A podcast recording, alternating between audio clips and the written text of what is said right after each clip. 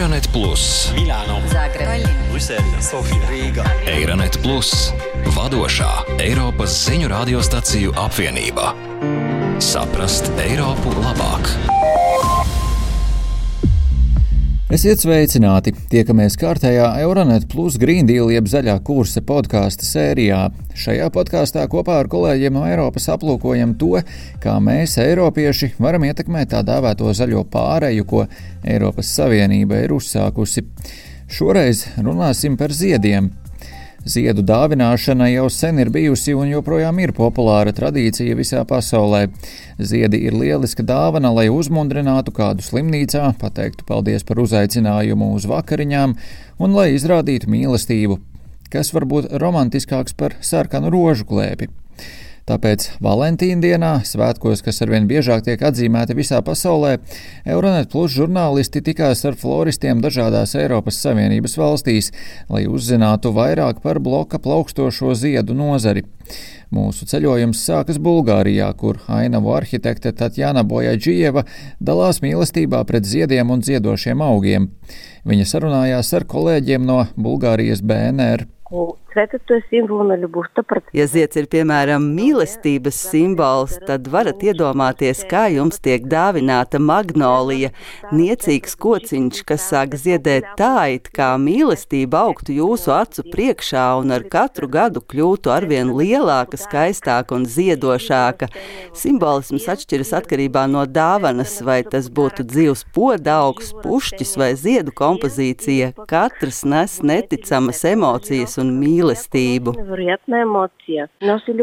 Pasaules puķkopības nozares vērtība pārsniedz 64 miljardus eiro.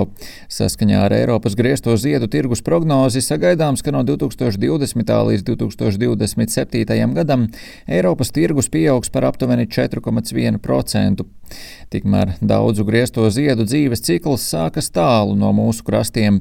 Apmēram ceturtā daļa ziedu, ko importē Eiropas Savienības dalībvalstis, nāk no Āfrikas, galvenokārt Etiopijas un Kenijas, vai Dienvidamerikas, jo īpaši Ekvadoras. Arī Izrēla ir liels audzētājs. Eiropas Savienības ziedu imports lēšams vairāk nekā 4 miljārdu eiro vērtībā. Aleksai Petrai un Georgīnai Petrai pieder ziedu dizaina studija Bukarestē, Florija Vāža. Tāpat kā lielākā daļa floristu Rumānijā, viņas pērk ne tikai vietējos ziedus, bet arī ziedus no Nīderlandes. Viņu vadītā uzņēmē darbība ir balstīta uz ziedu ilgtspējību. Lai gan varētu iedomāties, ka ziedu nozare jau tāpat ir dabiska, Aleksa stāsta mūsu kolēģiem no Radio Romānija, ka realitāte tomēr var būt tālu no zaļas. Este cumva că lucrând cu florile este foarte sustenabil. Izpratne ir tāda, ka darbs ar ziediem ir ļoti ilgtspējīgs un vidē draudzīgs, bet patiesībā starptautiskā ziedu ražošanas nozare tāda nemaz nav, jo lielākā daļa ziedu, ko mēs redzam floristikā, tiek ražoti nevis Nīderlandē, kā mēs gribētu domāt, bet diezgan tālās valstīs, piemēram, Kenijā, Ekvadorā un Kolumbijā. Šīs ir trīs lielākās rožu ražotāju valstis. Tāpēc tās ceļo tūkstošiem, desmitiem tūkstošu kilometru, lai sasniegtu ziedu veikals mūsu ielās, un oglekļa pēda ir milzīga. Turklāt tās novāc divas līdz trīs nedēļas pirms mēs tās saņemam, tāpēc tiek izmantotas dažādas vielas, lai tās ceļā saglabātu svaigas.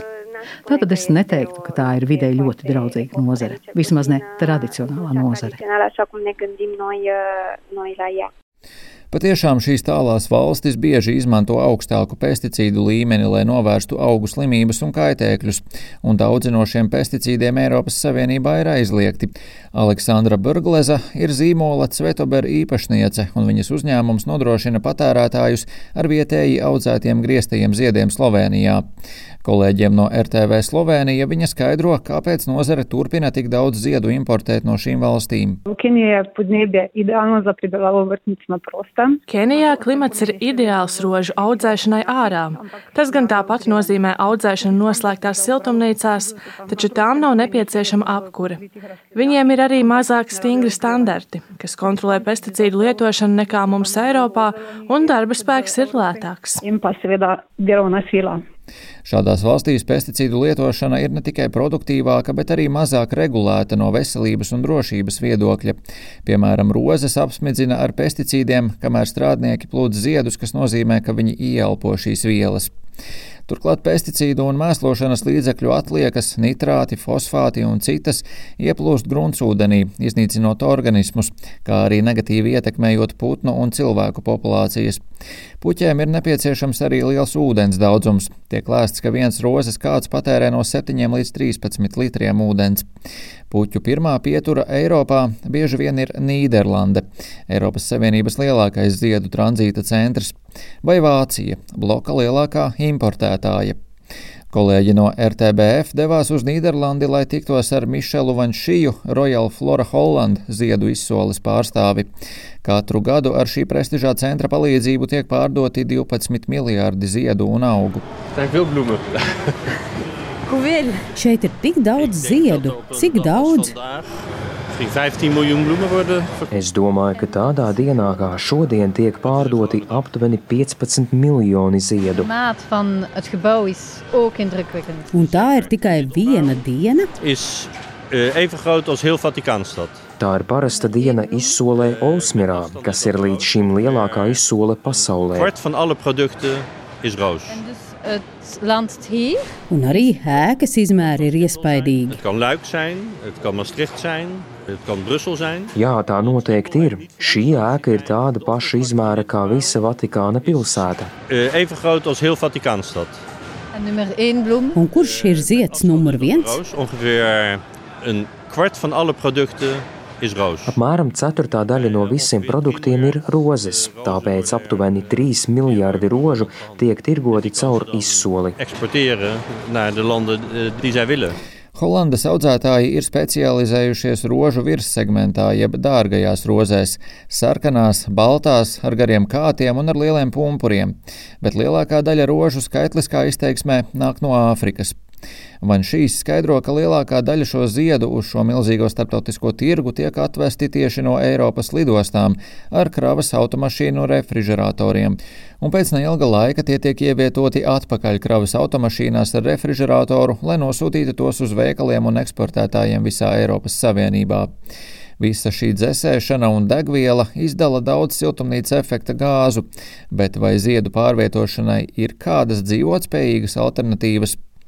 Mūsu kolēģis no Radio 24 to vaicā Roberto Pastoram. Viņš ir Milānas uzņēmuma īpašnieks, kurš specializējas ziedu un augu vairumtirdzniecībā Itālijas lielākajā ziedu pārdales tirgū. Viņš saka, ka pastāv arī citi transporta risinājumi, taču dažkārt mums trūkst iztēles, kas nepieciešams, lai tie darbotos. Su idea di mia moglie avevamo. Pirms dažiem gadiem augļu un dārzeņu tirgus atjaunošanā tika investēti vairāk nekā 300 miljoni eiro. Mēs ierosinājām nodrošināt kravas automobiļiem iespēju ierasties šeit no Nīderlandes vai no Dienviditālijas ar vilcienu. Kādreiz dārzeņu tirgū bija sliedes, un mēs būtu varējuši tās atkal izmantot. Diemžēl ne visi pieņemot lēmumus raugās nākotnē, bet tikai šeit un tagad. Ilgspējība īsti netiek ņemta vērā. 5 del mattino, alle 3 del mattino, alle 2 del mattino arrivare a Riga. Un, lai gan uz papīra ziedi, kas audzēti tuvāk mājām, šķiet zaļāki par tiem, kas ievesti no citām pasaules malām, pašmāju ziedu audzēšanas realitāte ir tālu no ideālas. Tā kolēģim no Kuku radio stāsta igauņu bioloģe Marlēna Lānepa. ja eks Holland on ka väga suur eh, taimede tootja või noh, kasvataja. Holanda ir labi pazīstama kā puķu audzētāja, taču problēma ir tā, ka Valentīna diena ir ziemas mēnesī. Mākoņu ir daudz, un siltumnīcas patērē milzīgu daudzumu enerģijas. 79% no visa Nīderlandes lauksaimniecības sektora enerģijas patēriņa tiek novirzīti ziedu audzēšanai. kehtivad teistsugused regulatsioonid. Tātad ziediem parasti ir milzīgs oglekļa pēdas nospiedums neatkarīgi no tā, vai tie tiek vesti no tālām valstīm vai ražoti pie mums, izmantojot intensīvu siltumnīcu dārzkopību.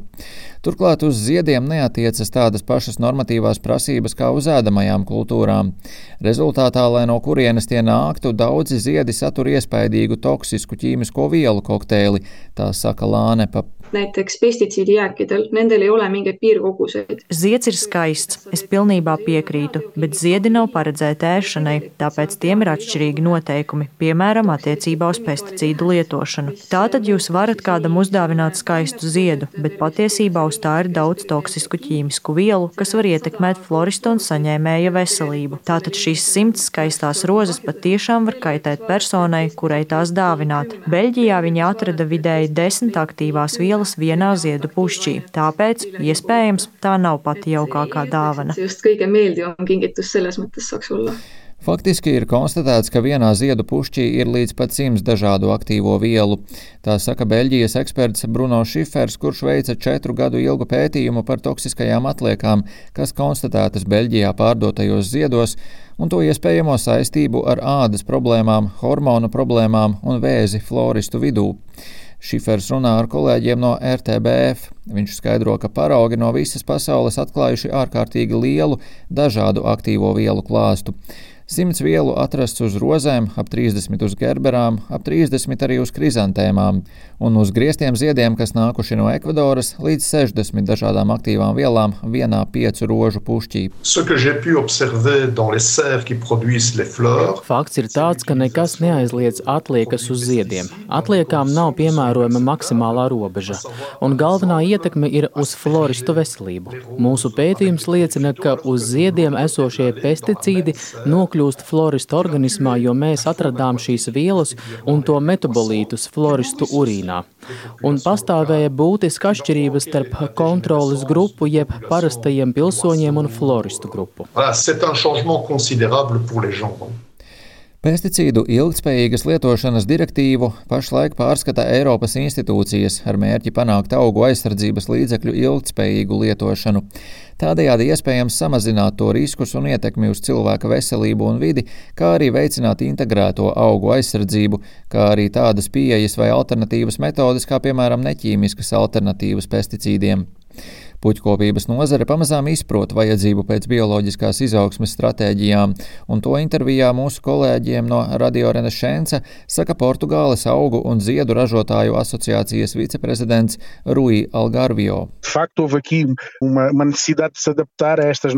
Neskaitot visus noteikumus, kas ir jāizstrādā un jāpiemēro, jau veidojas apziņa, jeb bažas par vidi, un pati nozare jau ir radījusi modeļus, kas ļauj tai virzīties uz arvien plašāku fitofarmaceitu fitofarmaceitiskajiem preparātu alternatīvu izmantošanu. Tas nozīmē pilnīgu atteikšanos no fitofarmaceitiskiem preparātiem, citiem vārdiem sakot, tas nozīmē atbrīvošanos no sintētisko narkotiku atliekām.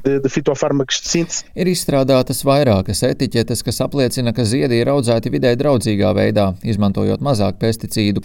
Proti tas nozīmē, ka ziedi audzēti ar minimālu ūdens patēriņu, izmantojot pilienveida apūdeņošanu un lietus ūdens savākšanu. Izmantoti trauki ar gaisa piesārņojumu piesārņojuma filtriem, īstenota integrētā augu aizsardzība un videi draudzīga atkritumu izvešana. Mūsu kolēģi Vācijā runāja ar Emmu Auerbachu, valsts kustības Slow Flower preses pārstāvi par kustības galvenajiem mērķiem. Der Blumenhandel in Deutschland kann nachhaltiger werden, indem er vor allen Dingen regionaler wird un sich mehr auf die Saison bezieht. Ziedu tirdzniecība Vācijā var kļūt ilgspējīgāka, kļūstot reģionālākai un sezonālākai. Ziedi, kas audzēti uz vietas, var tikt nodrošināti bez gariem transportēšanas ceļiem, un tiem nav nepieciešama papildu iesaiņošana vai papildu apstrāde. Turklāt ir iespējama audzēšana bez pesticīdiem, kā to mums ir pierādījušas dažas bioloģiskās saimniecības un kustības low flower. Un, ja klienti tiks informēti par sezonāliem ziediem un kaltētu ziedu periodiem, piemēram, ziemu, nekas nestāsies ceļā ilgspējīgākais sehr daudzēšanai Vācijā. Steht eigentlich einem nachhaltigen Blumenanbau hier in Deutschland überhaupt nichts mehr im Wege. Rumānijā floriste Aleksa Pereķeno arī uzsver vietēji audzētu ziedu priekšrocības. Noi încercăm cât de mult posibil să ne procurăm florile. Mēs cik vien iespējams cenšamies iegūt nepieciešamos ziedus tieši no audzētājiem, vietējiem ražotājiem, kurus var atrast un ar tiem viegli sazināties. Ziedu klāsts nav ļoti liels, tādā ziņā, ka mēs šādā veidā nevaram iegūt visus ziedu veidus. Bet viņiem ir ļoti skaisti ziedi un šķirnes, kas ļoti palīdz tev kā floristam, kad jātaisa produkti pasākumiem vai pat pušķiem. Nemaz nerunājot par to, ka viņiem ziedi ir daudz svaigāki un to var redzēt. Ir daži ziedu veidi, piemēram, dālijas, kuras, ja tās ierodas no Holandes, dzīvo tikai vienu vai divas dienas. Ja tās būtu pasūtītas no vietējā ražotāja, un tādi ražotāji ir, tās būtu svaigas un varētu izturēt desmit dienas, kas būtu lieliski. ceea ce e un lucru extraordinar. Aleksa Burglaze no Slovenijas šeit saskata augšupējošu tendenci. Notiek pārmaiņas. Citur pasaulē mēs redzam ar vien vairāk šādu mazāko vietējo audzētāju, īpaši ASV un Lielbritānijā, kur pēdējo desmit gadu laikā šajā jomā ir panākts liels progress. Eiropa nedaudz atpaliek Nīderlandes un viņu biržas konkurences dēļ, taču lietas pamazām mainās uz labo pusi. Arī mēs, kā patērētāji, varam veicināt pārmaiņas, izvēloties iegādāties vietēji audzētus sezonas ziedus, kā daudzi no mums arvien biežāk cenšas darīt ar saviem augļiem un dārzeņiem. Mums vajadzētu darīt visu iespējamo, lai samazinātu vēl vienu lielu piesārņojumu avotu, ko rada ziedu tirzniecība, proti iepakojumu. Polijas ziedu kultivētāja Agnieszka Ptaška Kvoleka stāsta mūsu kolēģiem no Polskie radio, ka ražotāji no savas puses jau pieliek visas pūles, lai samazinātu iepakojuma atkritumu daudzumu ziedu un augu transportēšanā. Runājot par pašu produktu, mēs cenšamies izmantot pēc iespējas mazāk plastmasas. Citiem vārdiem sakot, pēc iespējas vairāk izmantojam iepakojumu, kuru var atgriezt. Rozes ietin folijā. Tagad mēs pētām jaunas iespējas, ar ko šo foliju var aizstāt. Šobrīd vienīgais risinājums ir celulozes plēve. Tajā pašā laikā tā ir trīs reizes dārgāka un vieglāk saplīst, tāpēc tas nav optimālais risinājums. Tas pats attiecas uz audzēšanas traukiem. Tiem cenšamies izmantot otrreizējās pārstrādes materiālus. Nākamais solis ir izmantot pārstrādājumus materiālus. Lietuvas floriste Gabriela Černovskaita piekrīt, ka arvien vairāk ziedu pārdevēju meklē ekoloģiskus risinājumus. Tomēr viņa stāsta kolēģiem no Žiniju radies, ka lielākā daļa viņas klientu, neskatoties uz mēģinājumu pārliecināt viņus par pretējo, joprojām vēlas, lai viņu ziedi būtu ietīti spīdīgā papīrā, ko izdēļo dažādi mākslīgi rotājumi. Pakotes ir daudz lengviau rinktis. Ar pakoti, ar nē. Bioloģiskie iepakojumi ir vieglāk atrodami. Mēs vienmēr jautājam cilvēkiem, vai mums vajadzētu ietīt ziedus. Varbūt tas nav nepieciešams. Ziedi jau paši par sevi ir skaisti, kāpēc gan tos kaut kur ietīt? Vecākus cilvēkus ir nedaudz grūtāk ievirzīt šajā domāšanā un ieteikt neietīt ziedus, piemēram, vienu rozi papīrā. Dažreiz viņus vienkārši nav iespējams atrunāt. Viņi saka, nē, man to vajag. Tad mēs to iesaiņojam. Ja klients kaut ko vēlas, mēs nerīkojamies tā, it kā mēs to negribētu vai nevarētu. Mēs ziedus ietinam, bet mēģinām kaut kā atrisināt šo jautājumu. Tad sapakojam, bet stengiamies kažkaip prieit prie to. Tātad, par spīti šķietamajam, ziedu industrija nav nekāds rožu dārzs, taču mēs katrs varam sniegt savu ieguldījumu. 75 gadus vecā Sofijas iedzīvotāja Jordānka Nikiforova dara vairāk nekā lielākā daļa. To viņa atzina kolēģiem no BNR. Puķis, ko stādu savā pagalmā un savos podos, pērku no lielajiem mazumtirdzniecības tīkliem, kur viņi par santīmiem pārdod gandrīz mirušus ziedus. Manu dvēseli skumdina, ka šie ziedi mirst, tāpēc es tos ņemu, lai tos atdzīvinātu. Rūpējos par viņiem, baroju, pārstādu, un kad redzu, ka ziedam, kas jau būtu bijis jāmet ārā, esmu uzdāvinājusi jaunu elpu, tas, ieplie... tas iepriecina ne tikai mani, bet priecīgi ir arī kaimiņi. Tas padara laimīgus draugus, kas apmeklē manu māju. Tā ir jauna enerģija, jauna dzīve, kas dota kaut kam, kas citādi sapūtu atkritumu tvertnē. Ar šīs aizrautīgās sievietes stāstu arī izskan šīs nedēļas Euronet Plus Green Deal jeb zaļā kursa epizode. Tiekamies jau drīz! Eironet Plus, Milāno, Zagreb, Brisele, Sofija, Rīga. Eironet Plus, vadošā Eiropas ziņu radiostaciju apvienība. Saprast Eiropu labāk!